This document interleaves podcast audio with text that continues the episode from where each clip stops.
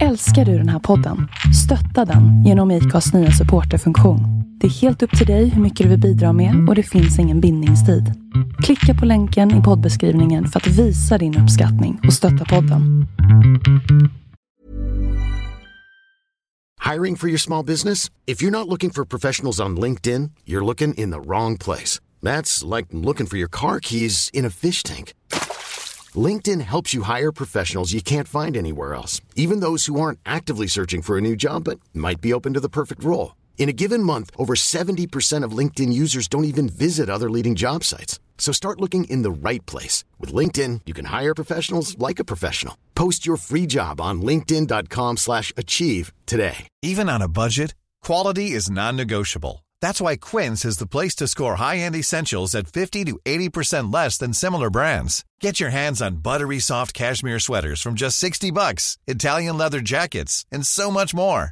And the best part about Quince, they exclusively partner with factories committed to safe, ethical, and responsible manufacturing. Elevate your style without the elevated price tag with Quince. Go to quince.com slash upgrade for free shipping and 365-day returns.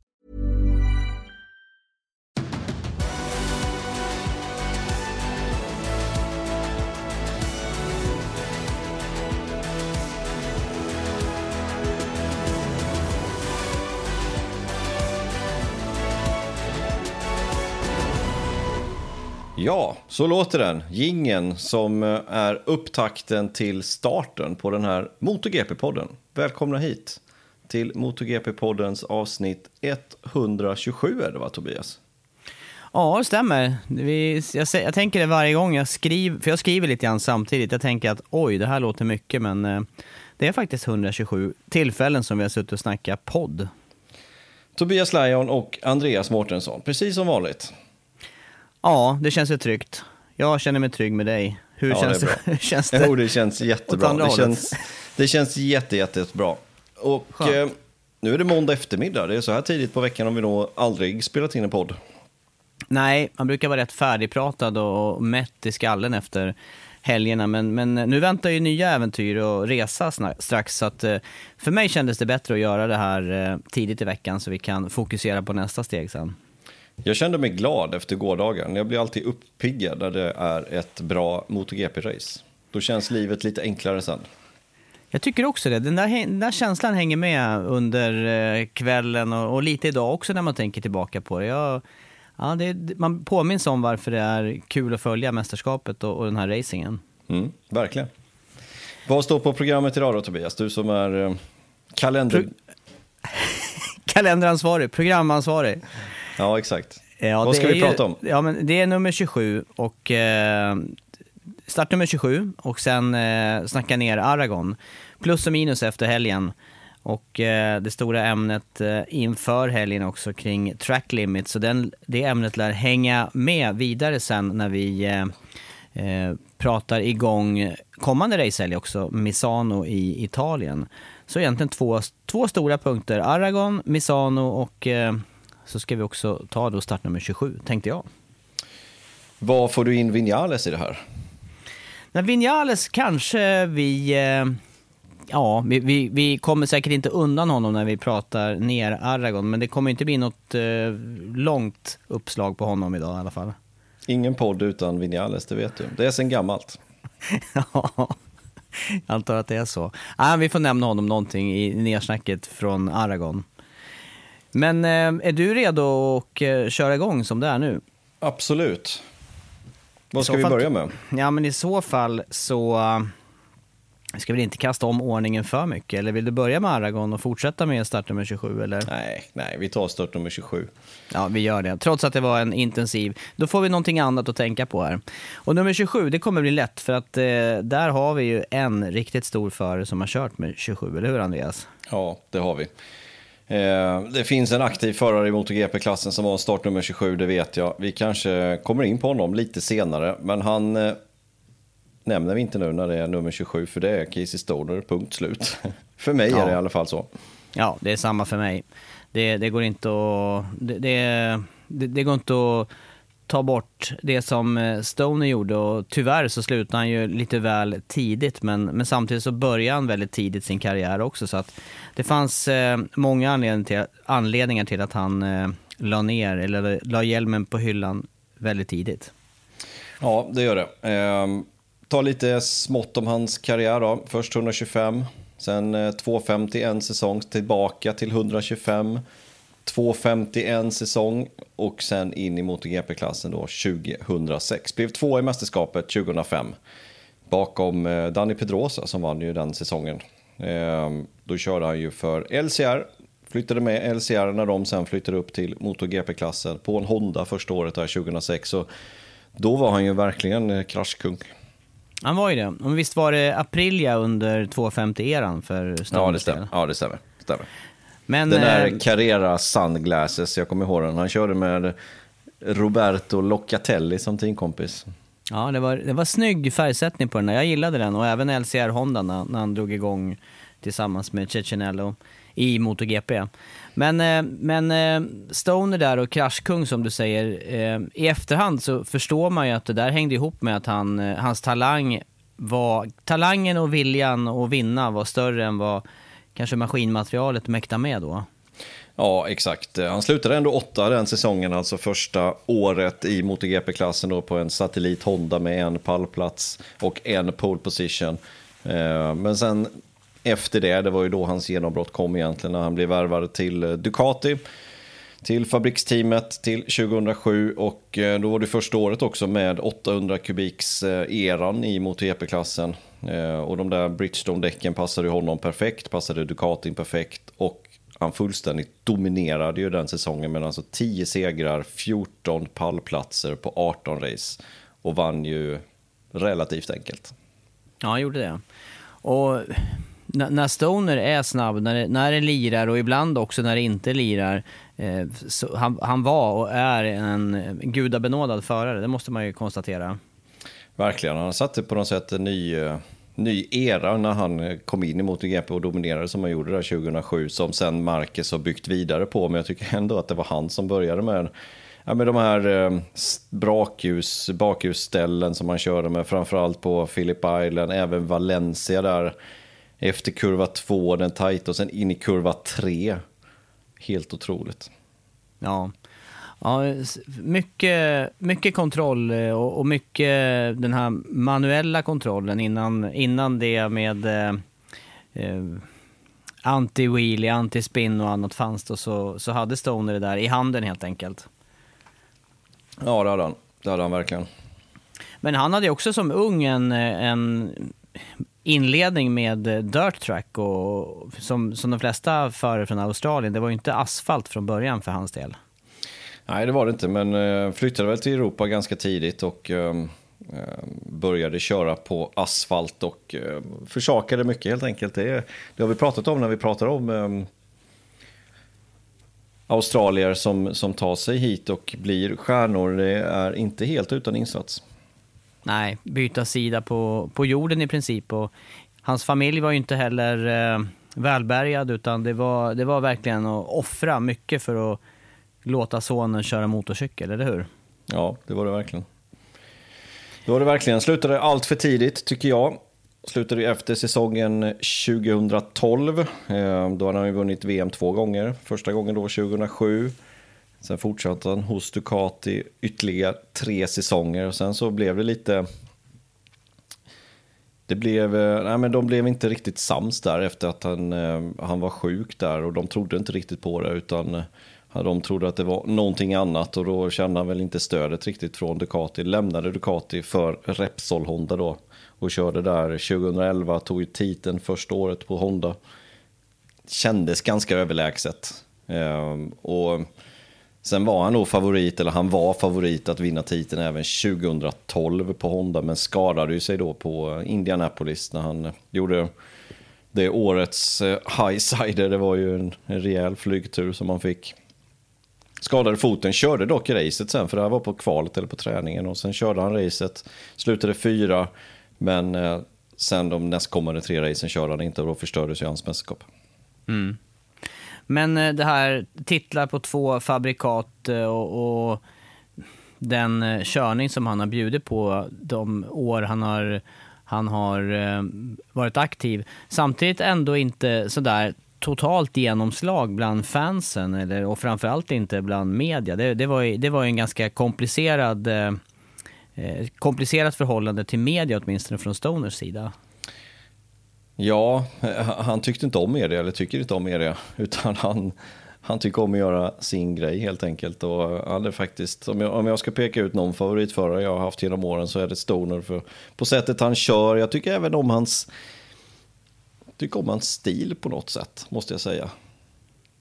Jag vet att det är inte många som gör det, men, eh, men jag kan ändå tycka att han hade en ganska skön stil.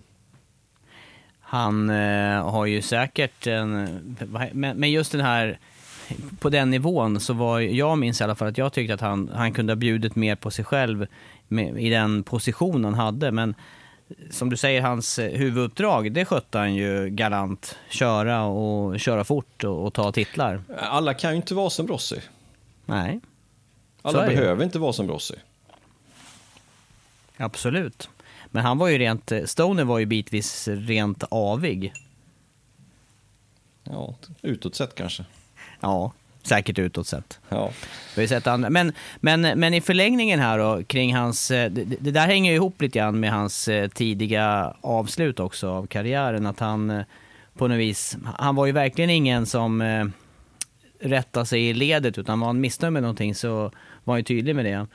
Och den här politiken i ja, kanske då inom Dorna, kring förare, kring saker i reglementet som, inte, som han inte gillade. Det var han ju tydlig med vad han tyckte och kanske också bidrog till att han slutade tidigare än, Säkert. än, än han skulle ha gjort. Eller ja, ha men gjort. absolut. absolut. Han, han, eh, han var trött på det helt enkelt och ville leva ett, eh, ett normalt liv, även fast eh, tyvärr då fick vi aldrig se fighter mellan Stoner och Marcus. Det kunde ju blivit Ja, det, det kunde ju blivit en, en duell att se fram emot. Ehm, nu å andra sidan, om man vänder på det, så, så Marcus kom ju in i MotoGP tack vare att Stoner la av. Annars hade han inte kommit in i Repsol Honda utan kanske kommit i ett annat team och då vet vi inte alls vad det har tagit vägen. Det handlar om den här rätta tajmingen som man alltid ska ha och eh, det hade ju Marcus, det har han ju haft. Men Stoner var i det teamet och hade han velat fortsätta så hade han haft kontrakt med Honda. Ja. Och han, han fortsatte ju faktiskt och skulle göra inhopp på Suzuka åtta timmars också, men det höll ju på att sluta med verklig förskräckelse. Ja, en rejäl krasch gjorde han där innan, kommer inte ihåg vad kurvorna heter där på Suzuka, men en snabb högerkurva i alla fall innan den där tajta hårnålen som går åt vänster när gasen hängde sig, var det inte så? Mm, exakt. Så han eh, hade ju inte en chans att få ner farten där och skadade sig ganska illa vill jag minnas. Och ja, det var till... någon fraktur i fot och ben och sådär, arm ja. kanske. Ja, Eh, men det var ju liksom ett inhopp han skulle göra efter avslutad karriär. Men, men tyvärr så blev det ju inte så... Eh, det blev inte så uppåt när hans karriär väl slutade för han har ju dragits med sjukdom också under lång tid här och verkar inte vara helt kry eh, nu heller. Nej, han har ju, gick ut med det för ett par år sedan att han har drabbats av ME eller CFS då som är en sån här kronisk trötthetssyndrom. Och Ja, det, det, kanske har bidragit till det som hände då med Ducati. Jag vet inte om det kan ja, ta sig tillbaka i tiden, ända till den tiden, det vet jag inte. Men, men eh, han har drabbats av det här och verkar inte må överdrivet bra emellanåt i alla fall. Nej, i alla fall inte så pigg så att han kan, han kan inte köra motorcykel och, eller anstränga sig fysiskt särskilt mycket. Det har jag förstått i alla fall. Nej, exakt. Ja, men, eh, men en fantastisk GP-karriär. Har du några speciella minnen då rent eh, körmässigt från eh, Stoners era? Ja, men just hur... Ehm, det finns ju några stycken, men, men dels hans körstil. Eh, framförallt som jag säger, kurva 3 på Valencia, kurva 3 även på Phillip Island. Eh, han har ju faktiskt sex raka segrar på sin hemmabana, Phillip Island. Han har vunnit där fyra år med Ducatin och så två säsonger då med Repsol Honda. Eh, och, och sen givetvis det här uttrycket när han sa till Rossi där att your... Ja, vad sa han nu då? Your ambition outweighed your talent. Ja, exakt. Din ambition var större än din talang. Och jag, jag tycker sånt där är lite roligt faktiskt. Jag tycker även eh, när Martin sa det som han gjorde att jag hoppas att Marcus lär sig någonting ifrån det där och säger det då till sexfaldig världsmästare som, som Marcus är, som Martin då som hade sex race innanför bältet och samma sak med Stoner och säger det till Rossi då som ja, vid den här tiden då 2011 som det här var hade de här nio VM-titlarna. Det tycker jag är, eh, det tycker jag är fränt. Jag tycker det är ja. lite drygt, lagom drygt. Ja, det är det. Jag håller med, det där gillar jag också. Eh, och, och, sen det, det stora är ju det är precis den kurvan där på Phillip Island för mig med eh, hans förmåga att ta tiondelar och flera tiondelar i bara den sektorn. Det, det var fantastiskt att se. Racemässigt vet jag inte riktigt om jag har något, något eh, speciellt race som sticker ut. Inte till hans fördel i så fall. Jag minns ju kampen med Rossi där till exempel på Laguna Seca, men den, den slutade ju sämre för Stoners del. Mm, ja, det gjorde den. 2008 var ju det, när eh, Rossi genade lite väl mycket kanske över eh, det var, det var lite för mycket track limits då, eller det fanns det var, inte då? Det var före track limits-tiden. Ja, ja, det var det verkligen. Det var bara, allt innanför uh, armkorräcket är okej okay på den tiden. Ja, Storne tyckte inte att det där var riktigt okej okay att köra på det här sättet. Han var rätt lack efter den, eh, det racet. Kanske dels på sig själv då, att han inte lyckades omsätta den farten som han hade i ett bra raceresultat. Men, eh, men även att han tyckte att Rossi körde lite onödigt hårt där. Och, ja, det var lite som, som, som Stoner var. Han körde ganska... Han körde hårt, men han körde ofta schysst. Så minns jag honom. Eh, jag kommer även ihåg ett, ett, ett citat som han sa att banorna är alldeles för säkra nu för tiden, sa han. Ja. Eh, och, och det, jag håller med. Jag sa redan när han sa det här att jag håller faktiskt med om det. För det han ville påtala var att banorna är så pass säkra nu så att folk eller förare kör för aggressivt mot varandra. Hade banorna varit lite farligare, armkorräcker precis ut med, så hade inte förarna kört på det viset.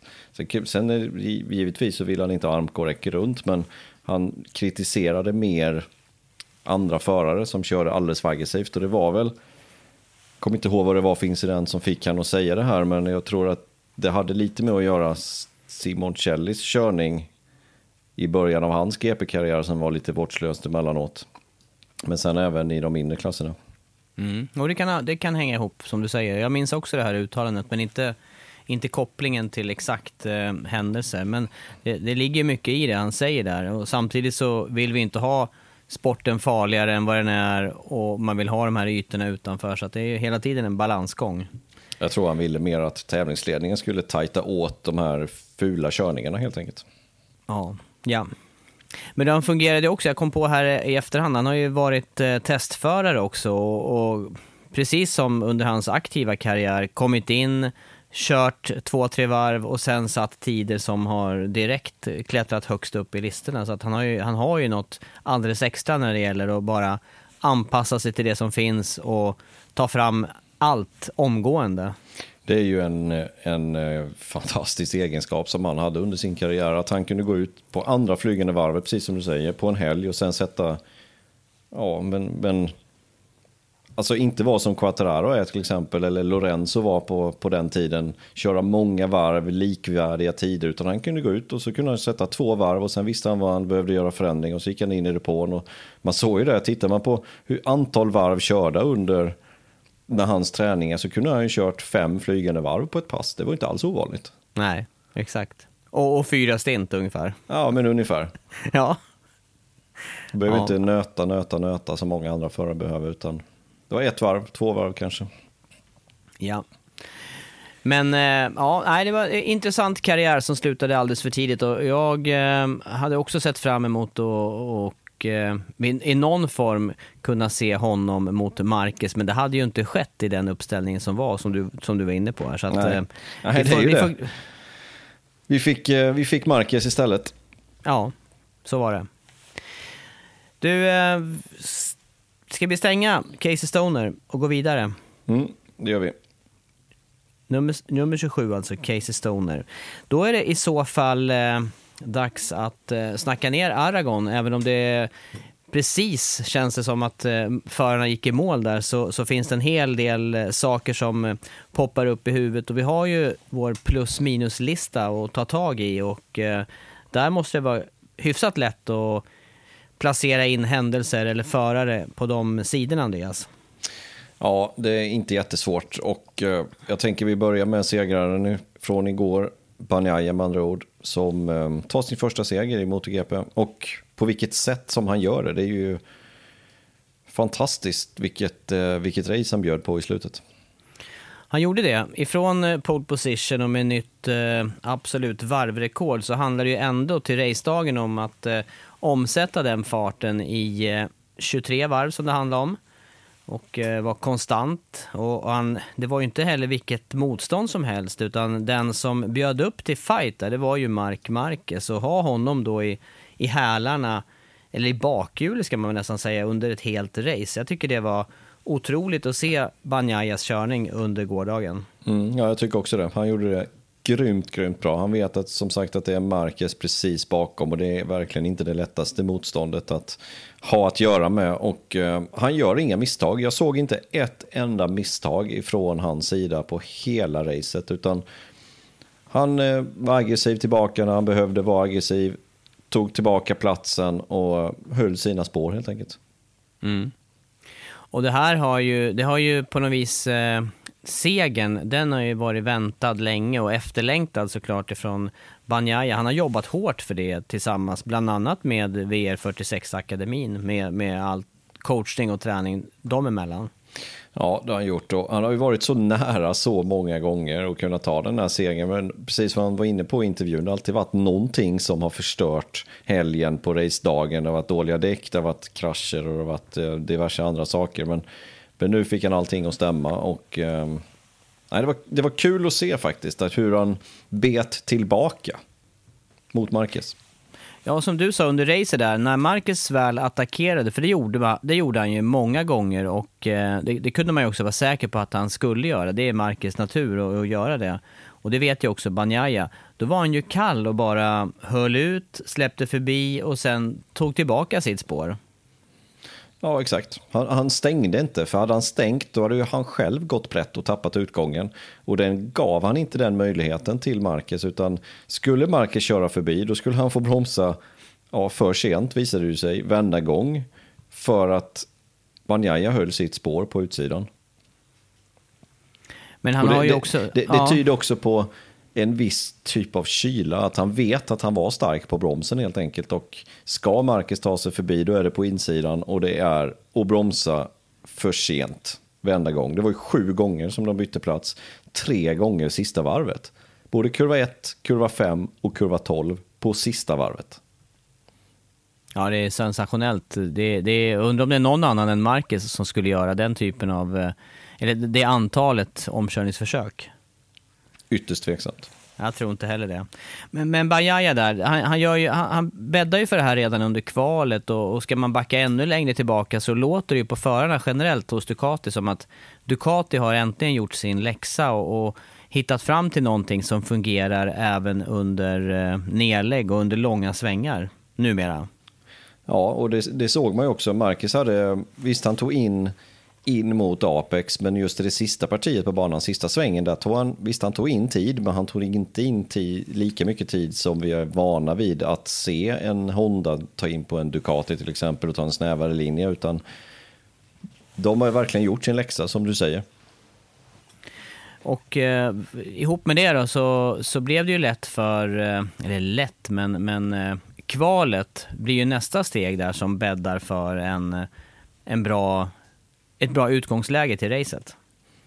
Absolut, eh, lyckas sätta den här tiden, alltså förbättra det absoluta banrekordet med, eh, med tre tiondelar. Det var, det var ett riktigt bra varv som han eh, fick ihop där, hade ju pole med nästan tre tiondelar också. Så att, nej, han, han är på plussidan, det går inte att säga någonting annat. Nej. Eh, rent körmässigt då, det här att inte göra misstag under ett helt race, det är någonting som eh, det är ganska ovanligt att se när det, när det handlar om de här 23 varven eller nästan 12 mils racing. Ja, det är det. Tycker att det visar att han har talangen som eh, krävs för att bli riktigt, riktigt snabb. Eh, han är redan riktigt snabb, men att kunna vara med och utmana om eh, titlar här i, i framtiden. Det är klart att det finns möjlighet nu. Han ligger två i mästerskapet, 53 poäng efter, men 53 poäng på fem race som är kvar. varav två på Misano. Där Quattararo är grymt snabb också, även fast Bagnaia är snabb där också. Men ja, Quattararo behöver ju något liknande som han hade nu då för att, för att eh, han ska närma sig ordentligt. Och eh, det tror jag väl inte är rimligt att tro. Men, men till nästa år, alltså Bagnaia, det, där blir han att räkna med. Ja. Ja, riktigt, eh, riktigt tydlig plussida för Banjajas del. Men eh, fortsättningen med pallen också tycker jag, om vi kan räkna in på plussidan. Det här att Marquez eh, försöker, försöker, kör om och inte ger sig. Det är ju, det är ju också något alldeles eh, exceptionellt. Och nu ser vi också att han har tagit ett steg till fysiskt, även om han inte är tillbaka till 100 procent. Ja, detta är ju en av hans favoritbanor och vi nämnde ju det under helgen här att han har vunnit där fem gånger. De två gångerna som, han har kört där sju gånger, vunnit där fem gånger. De två gångerna han inte vunnit har han kraschat, en gång ifrån andra plats, en gång ifrån ledning. Eh, och nu blir han då två, han blir ju slagen då kan man ju också säga då på sin, eh, på sin bakgård, men han bjuder ju upp till fight så mycket det bara går. Eh, sju omkörningsförsök, vad mer ska han, vad mer ska han göra? Nej, och jag tycker att det är än mer fascinerande med tanke på att han då har också gått omkull några gånger här under helgen innan, just med framhjulssläpp. Ja, ja, det har han gjort och det var nära ett par gånger här under racet också. Speciellt i kurva 12 vill jag påstå. Där såg man verkligen hur framdäcket vek sig några gånger och, och var väldigt svajigt. Men skulle man kunna göra någonting annorlunda i Marcus sida? Han, han sa ju själv att i kurva 15, det vill säga näst sista svängen då, in i sista svängen innan långa, långa raksträckan. Där sa han, där försökte han två varv, både det näst sista varvet och det tredje sista varvet. Och han ville inte lämna det till det sista varvet där för att då visste han att det, det, kommer inte att fungera egentligen för att han hade försökt två gånger redan så han ville prova tidigare på varvet. Därför provade han i kurva 12 men jag tror att det var det var fel försök där i kurva 12. Det var dömt att misslyckas tror jag. Det, han, han skulle satt in en lite mer avvägd attack tidigare på varvet och gjort en mer blockpass. Nu var han förbi lite för tidigt in i svängen. Han skulle på något sätt tajmat åt det där. Så att jag vill ändå sådär att hade den gamla Marcus varit där så vet i fasen alltså. Då tror jag han hade tagit det alltså. Jag för mig att vi även snackade igår, Andreas, om eh, kurva 15, att han, att han hade kunnat gjort en typ av blockpass där också och fått på något vis ner Banyayas hastighet och att de hade börjat accelerera, kanske då att, för då, då blir det automatiskt så om, om Banyaya är på utsidan där, att då kan han inte slå på samtidigt som Marcus, och då blir det ett litet försprång som kanske skulle ha räckt ner mot eh, finalen. Ja, precis. Och jag tror att han skulle avvägt den här omkörningen i kurva 15. Sen om inte den lyckas och Banjaya kommer tillbaka på raksträckan, då hade han ändå kurva 1 och låg han i så fall precis i ryggen i kurva 1 och kunnat gjort en blockpass där. Men ja, det är lätt att säga efteråt som sagt. Men, men han hade ändå sju försök på sig som misslyckades. Jag tycker att han borde ha satt ett försök borde han ha kunnat sätta med en blockpass istället i någon av svängarna. Men som sagt, det är ju lätt att sitta här och säga framför datorskärmen. Men ja, men det är få andra förare än Marcus som hade gjort så många försök. Det kan vi vara eniga om i alla fall. Ja, ja, ja, ja visst. Alltså, tar man bort Marcus ur leken, de senaste, ja, sen han kom in i MotoGP 2013, hur många gånger har inte han bjudit på ett sista varvet-duell mot någon förare? Om det så är, om det så är Rossi, Lorenzo, Pedrosa, Dovizioso och i det här fallet eh, Banjaya. Ja, det, det är ju snudd på han som gör de här racen så pass bra. Och det känns ju, nu är han kanske inte helt hundra återställd och hojen har ju utvecklats utan honom också under en full säsong. Men det, det är också så att de här fighterna som uppstår, det är ju när Marcus inte är på topp. Då har han ju då har han ju någon annan att slåss med och ändå så, så bjuder, och det är då det blir de här kamperna ända in mot mållinjen. Så överlägsen har han ju varit innan, så att eh, då, då har ju, det är ingen annan som har rått på honom eller kunnat göra det mot honom i, i de lägena.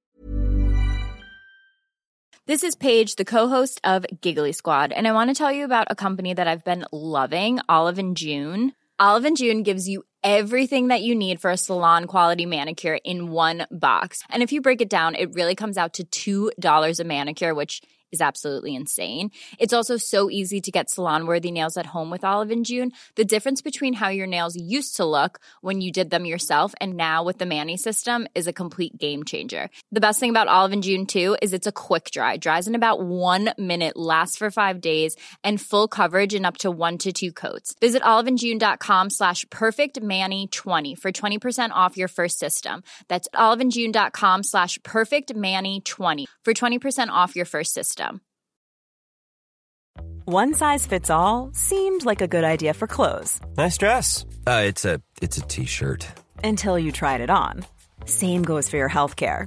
That's why United Healthcare offers a variety of flexible, budget friendly coverage for medical, vision, dental, and more. So, whether you're between jobs, coming off a parent's plan, or even missed open enrollment, you can find the plan that fits you best. Find out more about United Healthcare coverage at uh1.com. That's uh1.com. Hey, I'm Ryan Reynolds. At Mint Mobile, we like to do the opposite of what Big Wireless does. They charge you a lot, we charge you a little. So naturally, when they announced they'd be raising their prices due to inflation, we decided to deflate our prices due to not hating you. That's right. We're cutting the price of Mint Unlimited from $30 a month to just $15 a month. Give it a try at mintmobile.com slash switch. $45 upfront for three months plus taxes and fees. Promo rate for new customers for limited time. Unlimited more than 40 gigabytes per month. Slows. Full terms at mintmobile.com.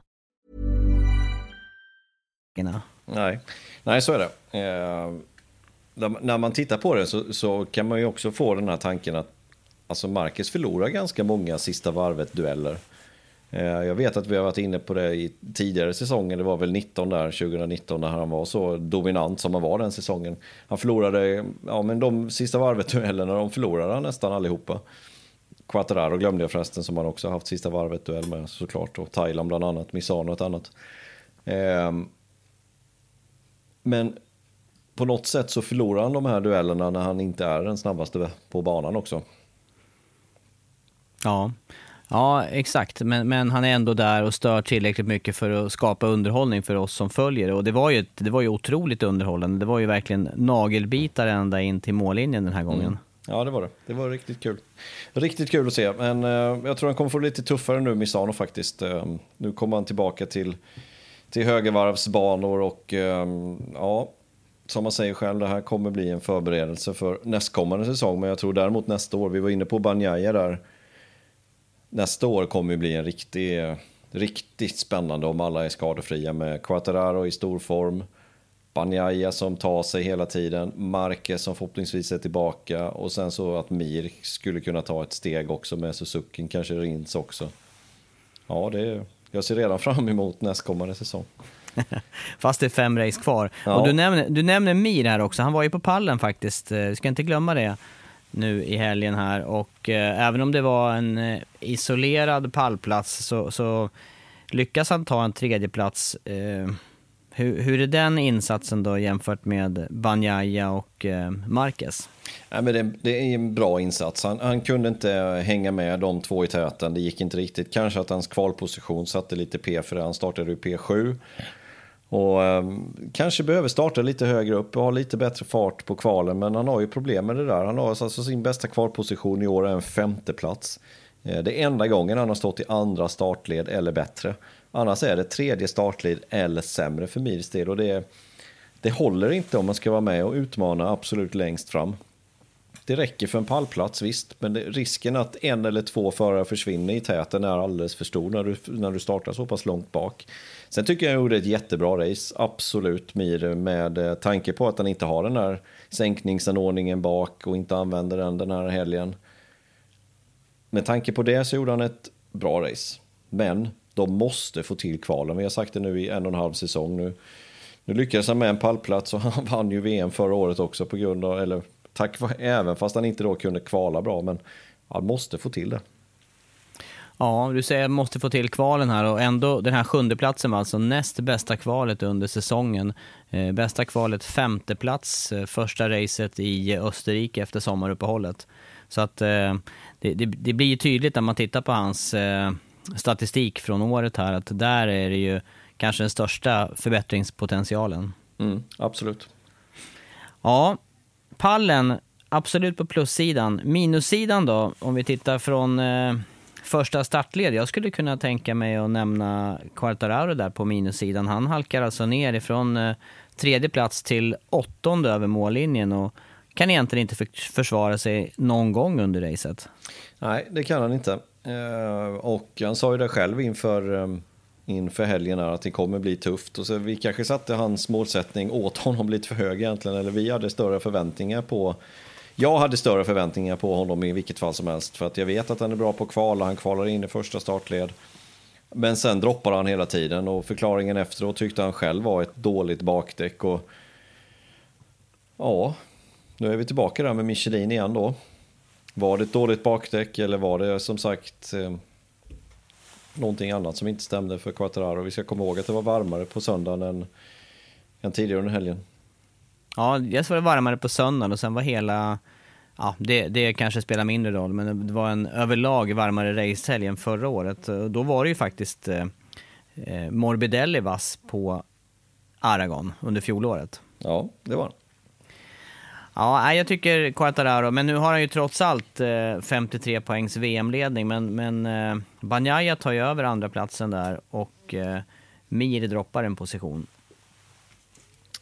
Ja, så blir det i mästerskapet ja, men det är ju fortfarande som du säger 53 poäng så att han har ju en, en betryggande ledning att gå på. Ehm, sen ska vi komma ihåg att eh, Banjaya är inne i en riktigt bra svit också. Han har startat i första startled fem gånger i rad här nu också, precis som Quattararo. Ehm, plus en seger nu och lite vind i seglen. Ja, lite orolig skulle jag ändå vara om jag skulle vara Quattararo. En nolla nu på Misano och en seger för Banjaya. Då du, då är vi nere på 28 poäng. Då börjar då det bli kan... lite nervöst där hos eh, fransosen. Ja, särskilt när, eh, särskilt när det eh, är... Eh, ja, särskilt när det drar ihop sig här och bara få race kvar och när man har haft en så stor VM-ledning, så skulle jag säga. Ja. Eh, men om vi tittar vidare då på minussidan. Jag skulle faktiskt vilja lyfta den andra fransmannen också, Sarko, som eh, helt har hamnat under isen vad det gäller fart här. Och vi var inne på det under helgen här. Det ryktas ju om att han har fått problem med armpump. Och är det så, då måste han göra någonting åt det omgående. För nu var han alltså utanför poängplats i racet. Ja, Sarko har tagit fem poäng på de senaste tre racehelgerna. Det vill säga 75 poäng att köra om. Där har han lyckats ta fem av dem. Det är eh, inte bra för Sarkos del. Och eh, det här givetvis, det punkterar i hans mästerskap. Ja, det gör ju det. Han tappar eh, otroligt mycket på de här. De här resultaten kan han inte köra. De här missarna kan han inte köra in i kapsen i slutet på säsongen. Nej, det kan han inte göra. Eh, är det enbart armpump då, eller är det någonting ytterligare tror du? Jag vet inte. Eh, det låter som att det skulle kunna vara armpump som gör detta. Det låter rimligt. Ehm, för så här, så här dåliga resultat har han inte visat på hela säsongen egentligen. Och, eh, eh, då behöver han göra någonting åt det, precis som du säger. Nu är det back-to-back här. Nu är det race redan om, eller det är träning om redan fyra dagar. Så att eh, nu hinner jag inte göra det, men det börjar bli bråttom i så fall att göra det. Mm. Jag undrar om inte det här, tittar man på hans resultat här så är det ju alltså sjätteplats första racet i Österrike, okej okay, med tanke på, ah, det är väl inte bra med tanke på att det är en bana som vi annars eh, lyfte Ducati inför. Men sen var det då eh, ingen målgång där och i andra racet och sen var det en elfte plats Storbritannien. Det är inte otroligt om det skulle ha uppstått just den här dubbelhelgen i Österrike, det är det jag skulle komma till. Med, eh, ja. med eh, intensiv och hårda inbromsningar och det, det, hans problem skulle kunna startat där. Ja, det skulle det. Men eh, varför har han inte gjort någonting åt det då? Nej, det undrar jag med. Det undrar jag. Det är den stora frågan. Mm. Sarko får minus. Ja, eh, och jämfört med, om vi fortsätter på minussidan då, vad säger du om Millers insats? Han är... Han startade första startled, men sen är han alltså 12 sekunder bakom eh, Banjaya i mål. Jag börjar bli lite orolig för Jack Miller faktiskt. Måste jag säga. Det, det, det är inte bra för Miller att bli slagen med 12 eh, sekunder till eh, Banjaya. Nej, och varför blir han det då, tror du? Ja, det är ju frågan. Kan, hade, han kunnat, hade, ja. hade någon kunnat svara på det så hade de åtgärder kanske. Ja, alltså att det blir 12 sekunder det kan jag förstå för att han, alltså Banjaya och Quattrar, eller Banjaya och Marquez, de fightas ju inbördes, vilket gör att man kan ju tänka sig då att tiderna går ner, men, men inledningsvis så, så fram till det var fyra varv kvar så attackerade ju inte Marquez, utan tempot var ju stentufft hela racet igenom. Det behövde ju inte Miller köra på det sättet riktigt. Eh, så, så det kanske kan förklara då att det blir eh, 12 sekunder till slut. Men eh, nej, jag, jag har suttit och jämfört lite Miller med Banjaya här och det jag tänker är att Jorge Martin har han har ju överpresterat egentligen i, eh, i sin debutsäsong här med tre pole positions, en seger, två ytterligare pallplatser. Nu startade han femma, blev nia, så det var inte jättebra race för honom den här helgen heller. Men han har alltså kört, ja vad blir det nu då? Detta var hans nionde race i MotoGP. Eh, han kör för satellitteamet. Eh, så han har gjort en riktigt, riktigt bra säsong. Han kommer knacka på dörren och vilja ta steget upp till fabriksteamet, vart det lider. Banjaya och Mil, då, då, är det ju Banjaya eller Miller som kommer få flytta på sig. Nu säger jag inte att detta kommer inte hända till nästa år, men sen kommer ju en säsong efter det också. Eh, och jämför man då Miller och Banjaya den här säsongen.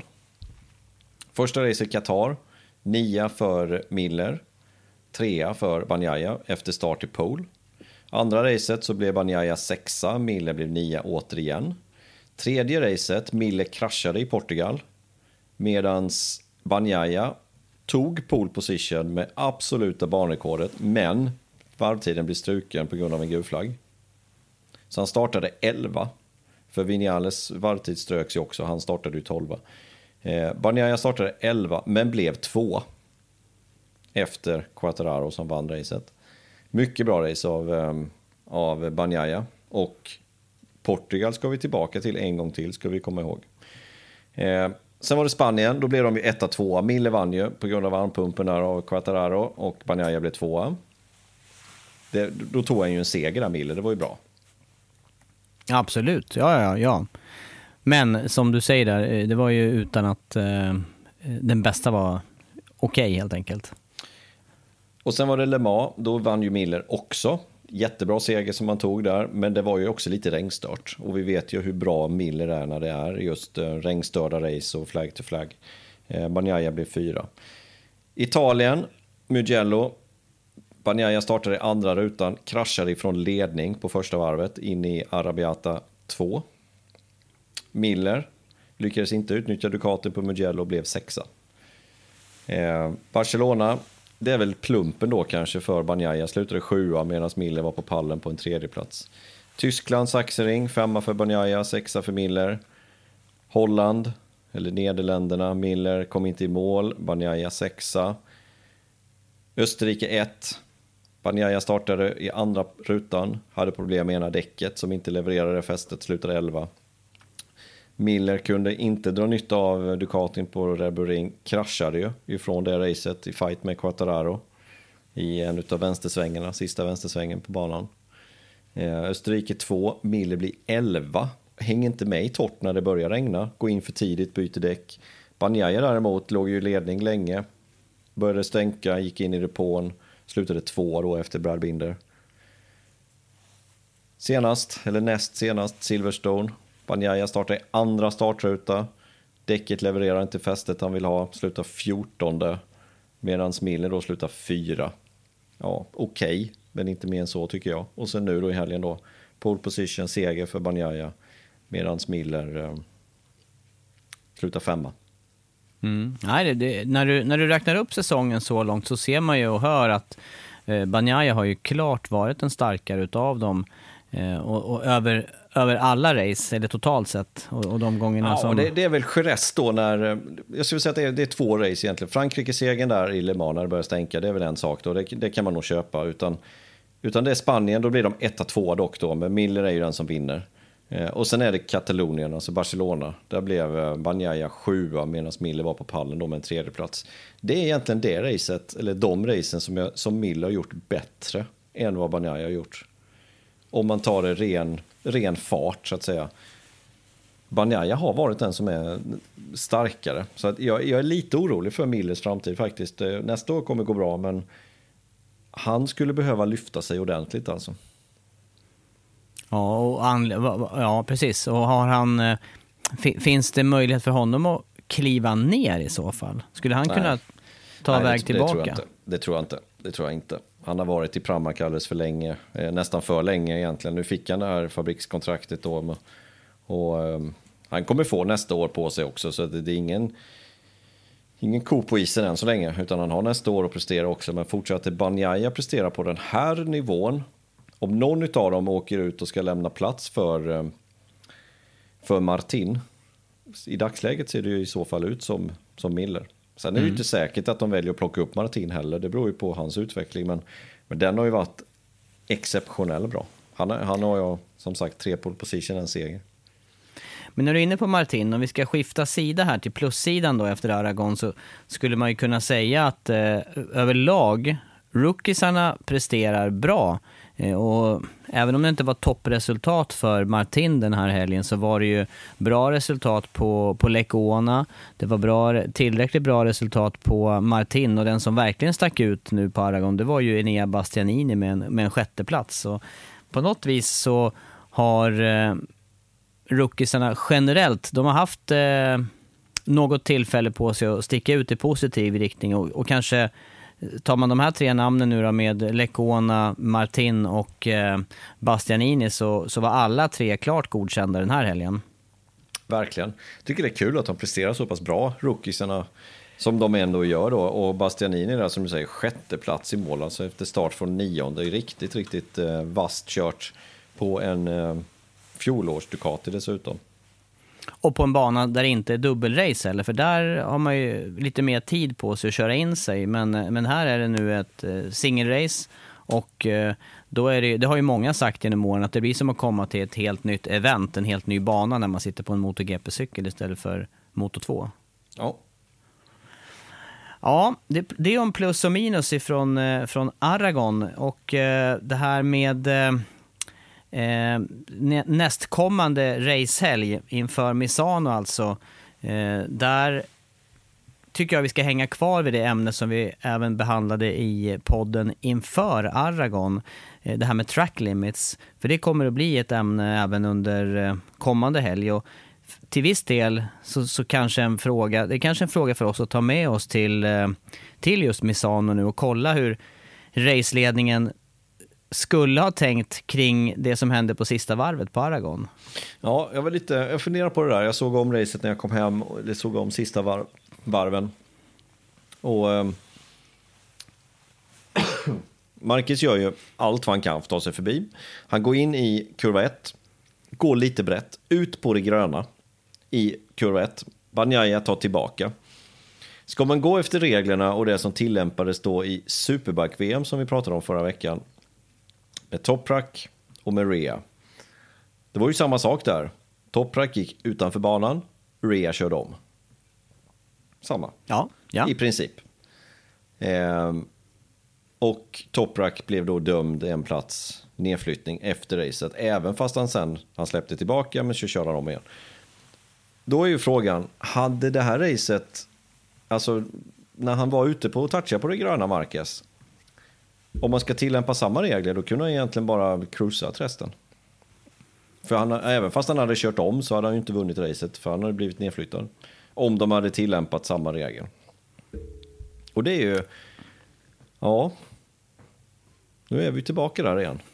Visst blir det klurigt när man ja, tänker det på det? Blir klurigt. Det här blir klurigt. Och sen var ju dessutom Marcus utanför, och det var ju rejält i kurva 12. Hade han då kunnat göra något mer på det varvet egentligen? Hade han kunnat attackera sen i kurva 15 till exempel, den här teoretiska blockpasen och sen ta hem racet? Fast han var ute så mycket ja, ytterligare var, en gång. Nej, nu, var, nu var han ju så långt efter så det fanns ju inte möjlighet till det. Men säg att Banjaya hade gjort ett misstag och inte varit ute på det gröna eller utanför banan men gjort ett grovt misstag så Marcus hade kommit till fatt igen. Och sen kunnat attackera in i sista svängen eller in i kurva 15 som du säger. Hur hade det blivit då? Jag vet inte. Jag vet faktiskt inte. Ska man gå på det som hände i Superbike-VM då skulle han ju blivit tilldömd nedflyttning. Ja, ja. Nej, det, här, det, det, känns som att det här, eh, den här funderingen, den skulle vi behöva ta med oss och se om det går att få något klargjort kring. Det blir en ja. hypotetisk fråga, men den, den, är ju inte så långt ifrån hypotetisk som... Alltså verkligheten kan ju gott bli så när som helst egentligen. Ja, ja, för att han misslyckades in i kurva 1, Marcus, men sen försökte han ju även i kurva 5. Säg då att den hade lyckats den här gången, att han hade lyckats göra en blockpaus och hållit sig framför Banjaya resten av varvet. Hur hade det blivit då? Det vill jag ha svar på. Ja, vi får, eh, vi får försöka haffa någon ur eh, tävlingsledningen på, på Misano. Det känns som det. De kommer aldrig ge det, de kommer aldrig svara på just den frågan i och med att den är, precis som du säger, hypotetisk. Men den är, den är ganska intressant att veta hur det hade slutat. Ja, för då, som du säger, Marcus hade ju kunnat cruisa in vidare då till en andra plats. Han hade ju inte behövt göra en attack i Nej. varken kurva 5 eller kurva 12. Han kunde Nej. lika väl lagt av det racet sen. Och riskerat krascher, som han ja, faktiskt ja. gör med de ja. attackerna. Eh, vi hade gått miste om en, eh, en fortsatt fight på det sista varvet. Ja, det, det, det skulle behöva klargöras faktiskt, så att förarna vet vad som gäller. Och då är vi inne på det här eh, just att när ska man tillåta förare köra på det gröna på det sista varvet. Bli, om man blir omkörd direkt efteråt, är det okej okay då eller inte okej? Okay? Det var ju inte okej okay i Super-VM. Och det var ju det som vi var kritiska även mot förra veckans podd, även fast vi tyckte att är man ute på det gröna så ska man ha någon typ av bestraffning. Men blir man omkörd i samma sekvens, då kanske man ska släppa det. Och det var ju det som vi sa också, det var ju det som var den lilla punkten som vi var lite kritiska mot då. Och det, det är ju mm. samma sak här då. Ja, ja, för vi kommer ju till en bana nu, Misano, där det är högaktuellt. Här finns det många ställen på varvet där förarna kan, eh, eller riskerar att vara utanför och också tjänar att vara utanför banmarkeringarna på. Ja, snudd på varje sväng på Misano är ju track limits. Så att det, det kommer ju bli helgens eh, ord, det är utan tvekan, det vet vi ju redan från början. Så att det hade varit intressant att veta. Jag, jag, ska jag gissa så tror jag faktiskt han inte hade blivit tillbakaflyttad om han hade tagit sig förbi i kurva 5. Jag vet att det låter motsägelsefullt, men det är, det är min känsla. Eh, för hur bra hade det varit? Vilken kritik hade de inte fått då? Om, om Marcus hade då touchat gröna kurva 1, säg att han hade lyckats med omkörning kurva 5 istället. Det var inte långt, långt ifrån att, den, att, den, att den lyckades. Sen är det inte säkert att han hade hållit ledningen till målen då, men, men eh, ja, och, och sen kan vi ju poängtera det att han touchade gröna, han blev tvåa, men det betyder inte att han ska bli tillbakaflyttad till den tredje positionen. Alltså Mir skulle inte blivit tvåa och Marquez trea för att Mir var ju inte inom striking distance. Så det, det, det kan vi lämna därhän, det, det var aldrig aktuellt. Men hypotetiskt sett, vad hade hänt om Marquez vann racet efter att han var ute på det gröna på sista varvet i kurva 1? Mm. Jag tycker den är intressant. Vi hänger kvar vid den frågan och eh, ta med oss den söderut, se om det finns någon som eh, i alla fall vill ge sin syn på det. Eh, vad, vad, eh, vad tänker du annars kring eh, Misano-helgen här nu då? Italien och, och, det är en absolut hemmabana för eh, ett flertal av de italienska stjärnorna. Ja, det har ju varit bestämt en stund att vi ska vara på plats där. Och eh, vi trodde ju inledningsvis i alla fall att det skulle vara Rossis sista race på hemmaplan. Nu blir det inte så i och med att man skulle köra en gång till på Misano här om eh, en månad ungefär. Så det blir näst sista racet då på hemmaplan för, eh, för Rossi. Men jag hänger kvar lite vid tippningen där från Aragon. Mm. Hur, tipp, hur tippade vi egentligen? Hade ja, inte du Banjaya som segrare och jag hade Marquez som segrare, var det så? Jo, det var så. Det var Hyfsat så. rätt på det den här gången då. Mm, det var nära. Du hade 100% just segraren.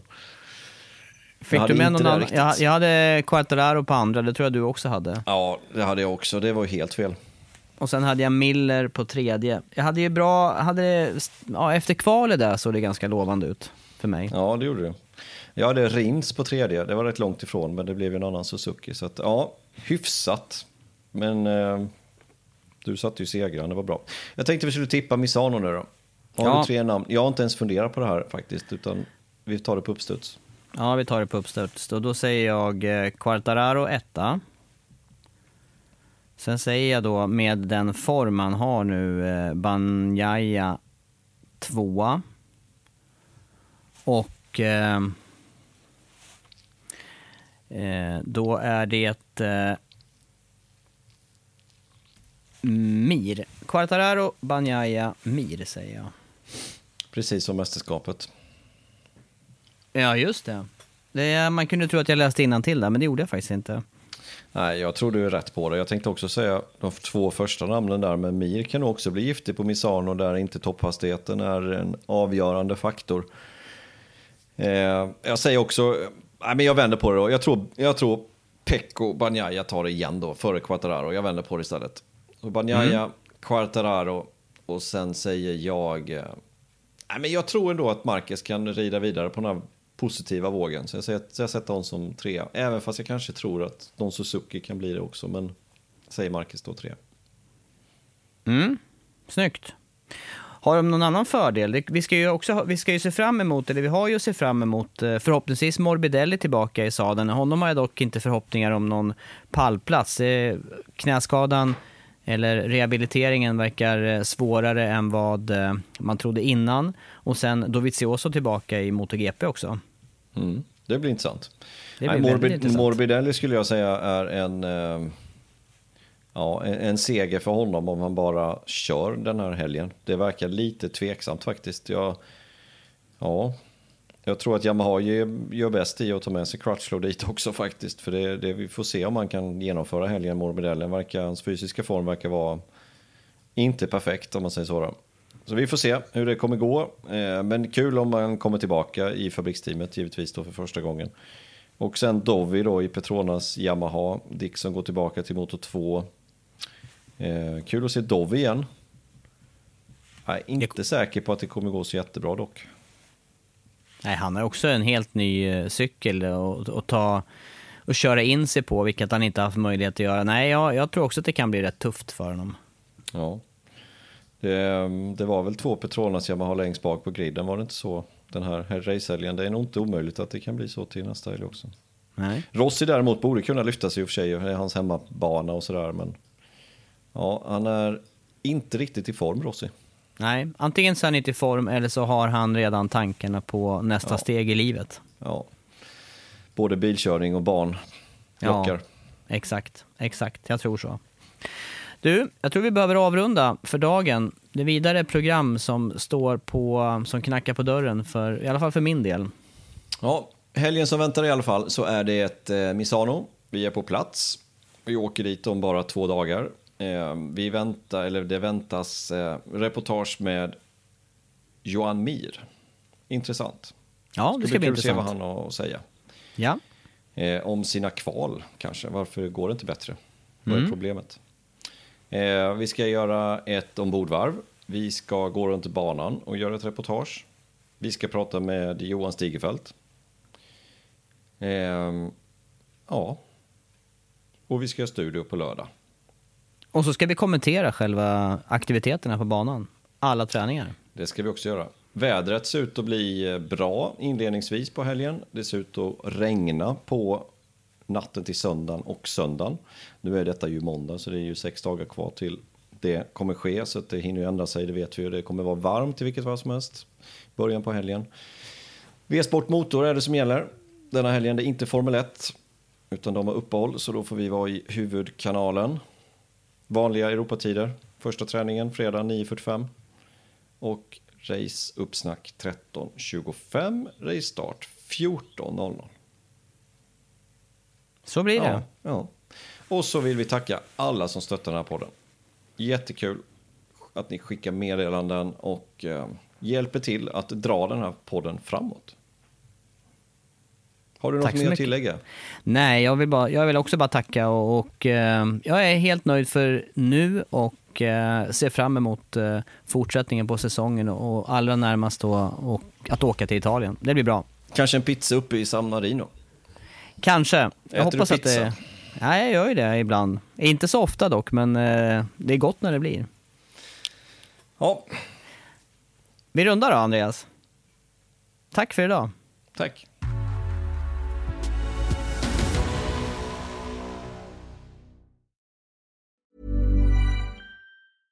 Have catch yourself eating the same flavorless dinner three days in a row? Dreaming of something better? Well, hello fresh is your guilt free dream come true baby. It's me, Gigi Palmer. Let's wake up those taste buds with hot, juicy pecan crusted chicken or garlic butter shrimp scampi. Mm. Hello Fresh. Stop dreaming of all the delicious possibilities and dig in at HelloFresh.com. Let's get this dinner party started. When you make decisions for your company, you look for the no brainers. If you have a lot of mailing to do, Stamps.com is the ultimate no brainer. Use the Stamps.com mobile app to mail everything you need to keep your business running with up to 89% off USPS and UPS. Make the same no brainer decision as over 1 million other businesses with Stamps.com. Use code PROGRAM for a special offer. That's Stamps.com code PROGRAM.